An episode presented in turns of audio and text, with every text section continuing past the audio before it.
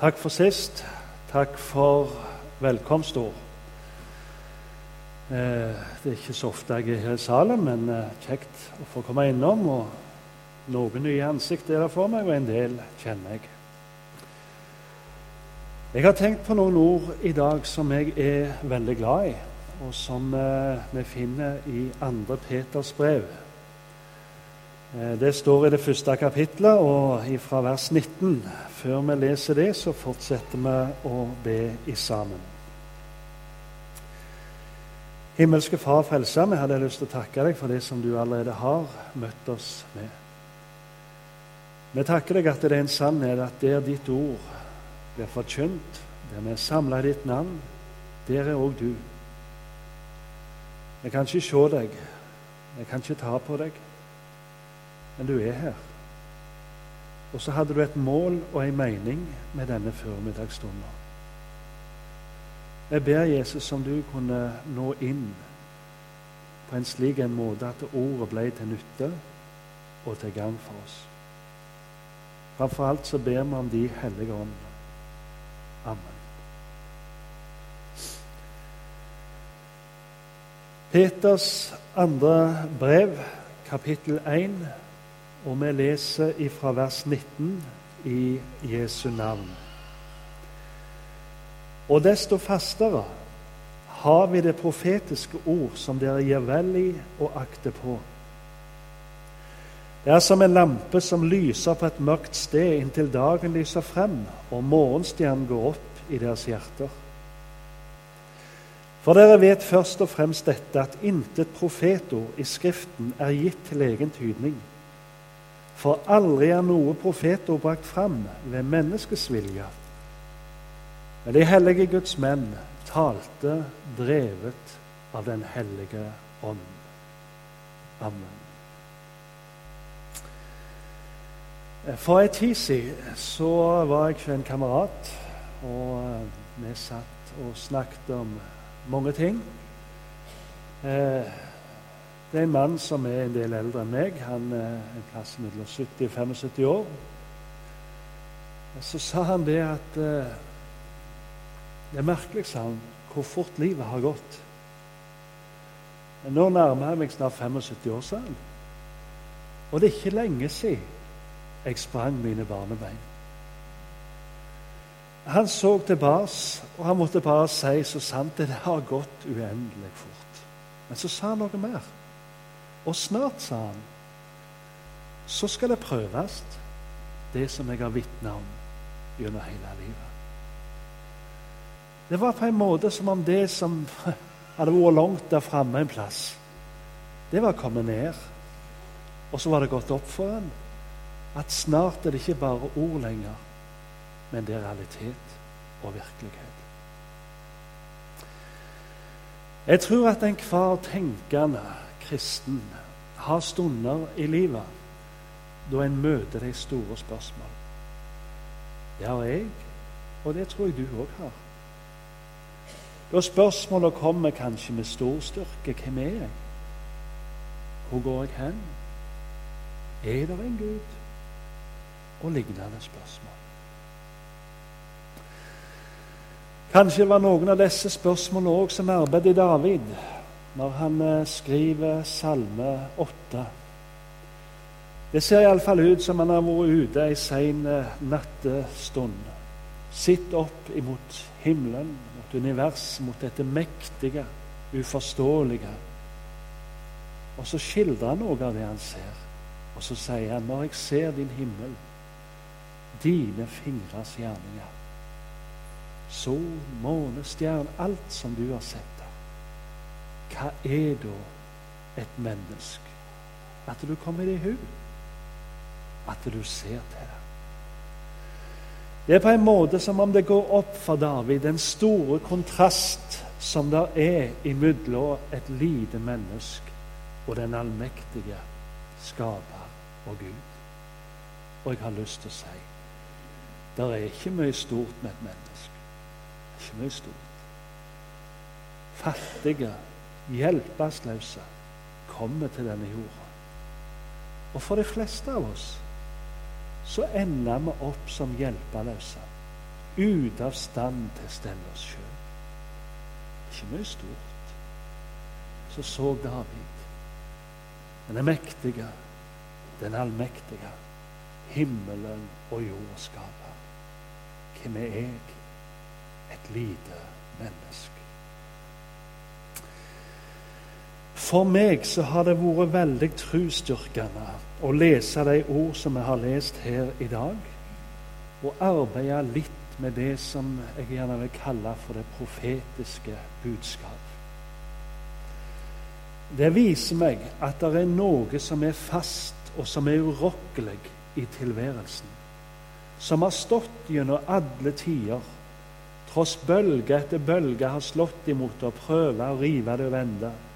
Men Guds ord og det profetiske budskap, det har stått, og det skal stå til evig tid. Vi er samla i gården rundt denne bok her i dag. Det er den som har samla oss. Og Imellom disse to permer der har Gud åpenbart seg. Der har han gjort seg til kjenne, og der viser han oss hvem han er. Det første som Bibelen har å fortelle meg og deg, det er at i begynnelsen skapte Gud himmel og jord. Han forteller oss at det er Han som står bak alt det som jeg og du kan se, og det som vi opplever. Det er Han som har sett alt inn i sin rette stand, og som holder det ved like. Videre så forteller denne boka oss om at han utvalgte seg et folk, et eiendomsfolk, som han ville velsigne. Og Han forteller oss i denne bok hvordan han har ledet, hvordan han har tukta, hvordan han har trøsta, og hvordan han har ført dette folk opp gjennom historien til denne dag. Ikke minst så forteller denne boka oss om veien til det evige livet. Den forteller oss klart at veien til det evige liv går gjennom Jesus Kristus, og bare det. Jeg forteller oss om Han som måtte li og dø, og som sona mi og de synd. Men så tenker jeg òg på en annen side i dag. Samtidig så er denne bok ei historiebok, og forstå meg rett. Det er ei historiebok skreven på forskudd. Vet ikke om du har tenkt på det. Men vi har med oss ei bok som ikke forteller oss hva som skal skje om et år eller to, men ei bok som beskriver selve verdenshistorien på forskudd. Har du tenkt på det? Bibelen er full av profetier som forteller oss hva som skal skje og mye av dette det har vi sett har gått i oppfyllelse. Og historiebøkene er full av vitnesbyrd om at det gikk slik som Herren hadde sagt. Og Når vi tenker på den sida, så ser vi at for Gud så ligger hele framtida åpen. De framtidssyner og profetier som Herren gir, de går i oppfyllelse. Og eh, det viser oss òg at det ikke er tilfeldighetene som styrer verden og utviklingen. Men det er en levende, allmektig Gud som sitter på si trune, og som regjerer univers, og som styrer og overstyrer.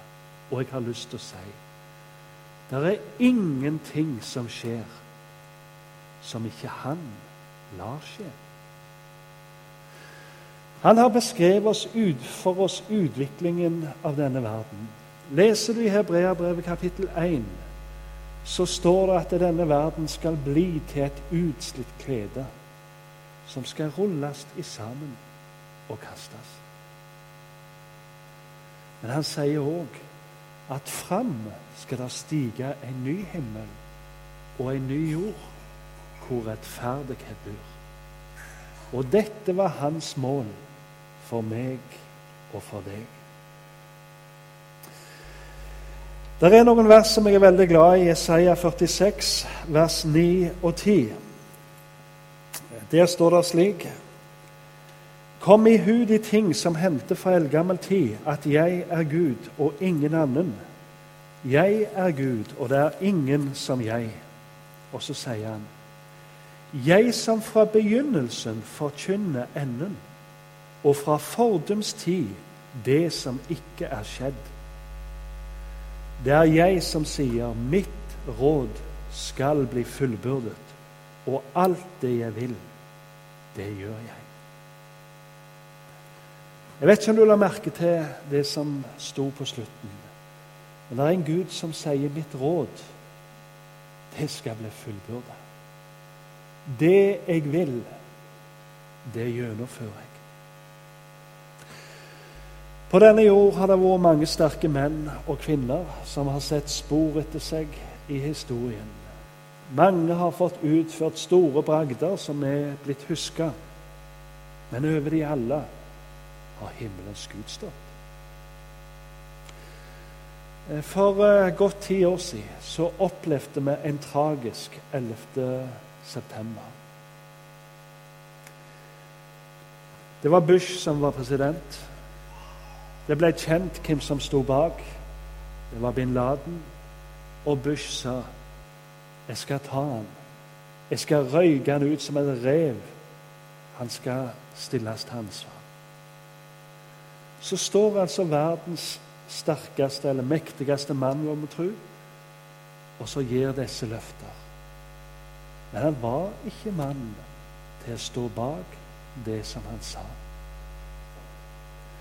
Men her har vi altså en Gud som sier 'mitt råd skal bli fullbyrda'. Det jeg vil, det gjennomfører jeg.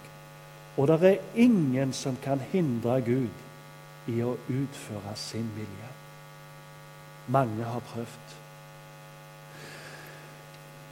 I første kongebok, kapittel 22, så leser vi om en slik sak. Israel er på den tid blitt delt. Eh, og en dag så sitter Akab, han som er konge i Nordrike, han eh, får besøk av eh, kong Josafat, som er konge i det andre riket. Og mens de to sitter og snakker, så sier Akab til Josafat Oppe i Ramot i Gilead så er det et landområde som tilhører oss det har syrerne tatt ifra oss. Vil du gå med meg til krig imot syrerne, slik at vi kan ta dette landområdet tilbake? Så sier Josef at ja, som du, så jeg. Så dine folk, så mine folk, og som dine hester, så mine hester. Jeg skal være med deg på det, sa han. Men la oss allikevel først høre hva Herren har å si. Så gikk Akab med på det. Og da står det at eh, de sendte bud på hans profeter. Det var visst 400 stykk. Og disse kom inn for kongene og fikk spørsmålet Skal vi dra til krig imot syrerne og ta tilbake Ramot? For å gjøre det kort så står det at disse profetene samstemt med én munn spådde kongen godt. Og de malte det ut i karismatiske vendinger og skildra en stor seier som kongen ville vinne hvis han gikk til krig. Så vi skulle tro at de var berolige. Men Josefat han var tydeligvis urolig, og han spør har du ikke flere profeter som vi kan spørre til råds. Da sier Akab det på den måten jeg har én han heter Mika, og jeg hater han. For han spår meg aldri noe annet enn vondt. Men la oss allikevel sende bud på han, sier Josefat. Så gjorde de det. Så kommer budbæreren til Josef, til Mika, og så legger de fram ærendet sitt. Eh, og så sier de at nå vil kongen òg høre hva du har å si om de skal dra til krig imot syrerne. Men det er tydeligvis at budbærerne de prøver å påvirke han, og så sier de nå har alle de andre profetene samstått, eller med én munn spådd godt for kongen, og nå kommer ikke du og forkludrer hele greia. Da sier Mika det Herren legger på meg, det vil jeg bære fram. Så kommer Mika fram for disse to konger, og så får han spørsmålet hvordan vil det gå dersom jeg drar til krig imot syrerne. Så sier Mika det. Jeg bruker mine ord. Går du til krig imot syrerne, konge, så er det det siste du gjør. En klar beskjed om hva Herren har talt gjennom ham. Vi skulle gjerne tro at eh, Akab avlyste denne krigen, at han trekte seg. Men han gjorde ikke det. Han gikk til krig. Men han tok sine forhåndsregler. Vet du hva han gjorde? han kledde seg ut som en soldat. Slik at mens krigen raste og syrerne lette etter Israels konge, så fant de han ikke. Og det står at de var nær ved å gi opp. Men så står det òg Da var det en soldat som spente buen, og som sendte av gårde ei pil på lykke og framme. Og denne pila, den trefte kong Akab imellom brynja og brynjeskjørtet. Og samme kveld så døde kong Akab. For det er en som har sagt Mitt råd, det skal bli fullbyrda. Og det jeg vil, det gjennomfører jeg. Det profetiske budskap, det står fast. Verdensbildet skifter, og det endres. Stormakter kommer, og stormakter går. Men det er noe som aldri skal forgå. Og det er Guds ord og det profetiske budskap. Det neste som jeg har lyst å stanse litt for, det er det at det profetiske budskap det er fastere enn noen personlig opplevelse. Og det kan du merke deg. Det er helt sikkert flere enn meg her i dag som har hatt hva skal jeg si, ønsker, tider i livet da en kanskje har bitt om det ekstraordinære. Da en kanskje har ropt til Gud må gripe inn, må vise seg, må stadfeste sitt ord av noe ekstraordinært. Men Peter sier det profetiske budskap er fastere og, for å bruke mine ord igjen, enn noen personlig opplevelse. Peter var en mann som hadde hatt mange store opplevelser. Han hadde vandra tett på Jesus i tre år, og han hadde sett og hørt veldig mye. Han hadde møtt en mann som hadde makt over naturkrefter, vind og sjø. De måtte lye han. Han hadde makt over sykdom, ureine ånder og til og med makt over døden. Peter hadde òg stått midt oppi det med begge føttene den gangen profetien ifra Joel gikk i oppfyllelse, om at det skal komme ei tid da jeg skal utgyte min ånd over alt kjøtt. Og så står Peter på pinsedag. Så hører de uværet. Så ser de flammene på folket, og så hører de språkunderet. Og så blir folket forferda, og mange spotter og sier de er drukne. Så sier Peter Vi er ikke drukne. Men dette som dere ser og opplever, er det som profeten Joel har forutsagt. Det er profetien som går i oppfyllelse. Men det som gjerne ser ut til å ha gjort størst inntrykk på Peter, det refererer han til her i dette kapitlet. Det er opplevelsen på Forklarelsens berg da Jesus ble forklart for deres øyne. Og så skriver han her og så hørte vi røsten. av Gud sjøl.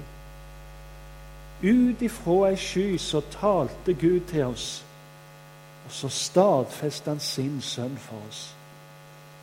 For en opplevelse! Men i neste øyeblikk så skriver han altså Desto fastere har vi det profetiske budskap. Opplevelser, de kan bleikne.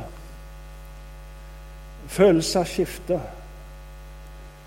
Og både jeg og du har opplevd at åndelige opplevelser som vi en gang hadde, har vi seinere i ettertid spurt oss sjøl var det virkelig slik jeg opplevde det. Eller har det liksom blitt forandra med tida? Ordet står fast. Jeg har stått gjennom alle tider, og det skal stå gjennom alle tider. Peter var en mann som hadde lært å regne med det profetiske budskap i sitt liv. Og jeg tror han hadde lært det gjennom smerte. En dag så fortalte Jesus om at han skulle li og dø, og Peter griper inn. Jeg skal forsvare deg, Jesus. Jeg er rede til både det ene og det andre. Og så sier Jesus, Peter, hanen skal ikke gale før du har fornekta meg tre ganger. Det er litt av en profeti å få over livet. Og jeg er sikker på Peter tenkte aldri Jesus, aldri om vi skal fornekte deg.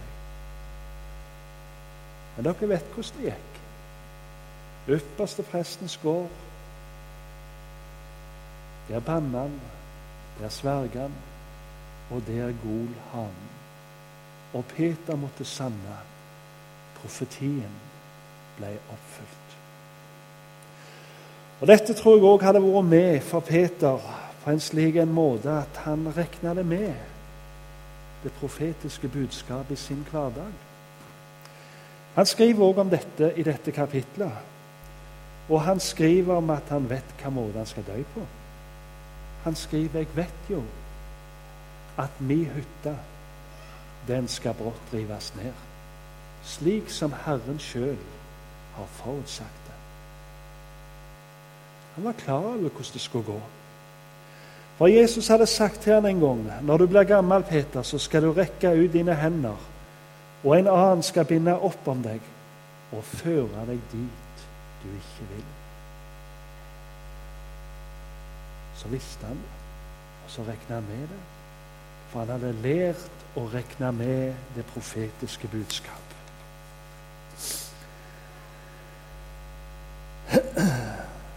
Profetier forutsigelser. Jeg tror vi kan si at verden er full av profetier. Vi møter analytikere i forskjellige sammenhenger og på forskjellige arenaer. Folk som står fram og forteller oss hvordan framtida vil se ut. Noen står fram på den politiske arena, andre på den økonomiske arena og forteller oss hva som er lurt, og hvordan vi bør innrette oss. Og det er vel ikke et eneste år at det ikke er en eller annen værprofet som står fram og forteller oss hva sommer vi nå står framfor. Og jeg holdt på å si spår du lenge nok, så vil du vel før eller senere treffe. Men hvor annerledes denne profetien er enn den du møter i Bibelen. Du kan slå opp den gamle, hellige bok, og du kan lese forutsigelser om israelsfolket, om deres naboer. Og du ser at slik som Herren sa det skulle gå, slik har det gått. Nå skal ikke jeg ta tid til det i dag, for uh, det vil ta litt for lang tid. Men du kan lese om Tyrus, du kan lese om Edom, du kan lese om de forskjellige land der Herren sa hvordan det skulle gå, og så kan du se det har gått slik som Han har sagt. Ja, det er noe som jeg har veldig lyst til å ta med, og det er kanskje det mest forunderlige.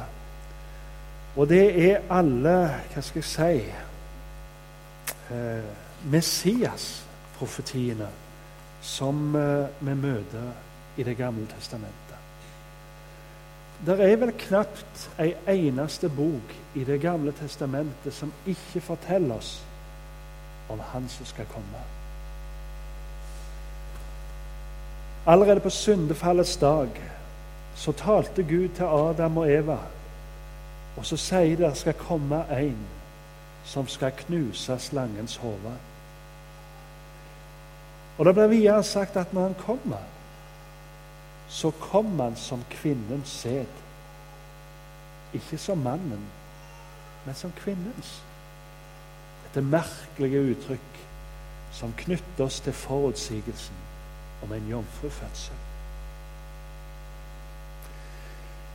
Du kan ta bok etter bok. Mika han eh, forteller om han som skal bli født i Betlehem. Så sitter Maria dagsventende i Nasaret. Det var ingenting som pekte på at hun skulle dra opp til Betlehem. Der gikk hun og kavte med sitt, og i den stand hun var. Så kommer det altså et bud fra okkupasjonsmakta om at all verden skal innskrives i manntall. Noe som medførte at Maria måtte opp på eselryggen og ta ut tre dagsreiser opp til Betlehem. Tror du det var på slump? Mitt råd skal bli fullbyrda. Det jeg vil, det gjennomfører jeg. Og det profetiske ord, det står fast. Sakarias han beskriver palmesøndag, mange hundre år før det skjer, om han som sagt modig kom riende på Esifon. Det er ikke underlig. Salme 22, Jesaja 53. De beskriver Herrens lidende tjener, som vi mest skulle tro at de hadde vært øyenvitner. De skriver om han som skulle mishandles, som skulle forrådes. Og der står de delte mine klær imellom seg, de kasta lodd om min kjortel. Han skulle forhøres uten å svare, han opplot ikke sin munn. Og det var òg forutsagt skulle legges i en rik manns grav. Er det ikke trosstyrkende? Det var forutsagt, og det går i oppfyllelse. Men vet du hva? På tross av alt som var forutsagt da Jesus kom, så tok de ikke imot ham. Tenk på det. Han kom til sine egne, men hans egne tok ikke imot ham. Og vet du hva? Og det var forutsagt. Jesaja hadde skrevet 'Hvem trodde vel det budskap som vi hørte?' Og han hadde også skrevet 'Vi aktan for ingenting', slått av Gud og gjort elendig. Slik var det når Jesus kom. Nå sitter jeg og du her i denne formiddagsstunden. Vi venter på hans andre komme. Han har sagt han skal komme igjen og hente sin brud. Og han har òg beskrevet situasjonen som skal være på jord og på menigheten når han kommer igjen. I Matteus 25 så skriver han om menigheten. Og Han sier da skal himmelens rike være å ligne med ti omfruer. Det var ti omfruer som venta på brudgommen som skulle komme. Det var ti omfruer som eh, ble trøtte, og som sovna da brudgommen ga seg tid. Men midt på natten så lød det et rop, står der. Brudgommen kommer. går han i møte. Nå var det ti jomfruer som sto opp, som gjorde seg i stand, og som gikk for å møte brudgommen. Men på veien så ble det klart for fem av dem. Det holder ikke, det som jeg har bygd mitt liv på. Lampen min, den slukner.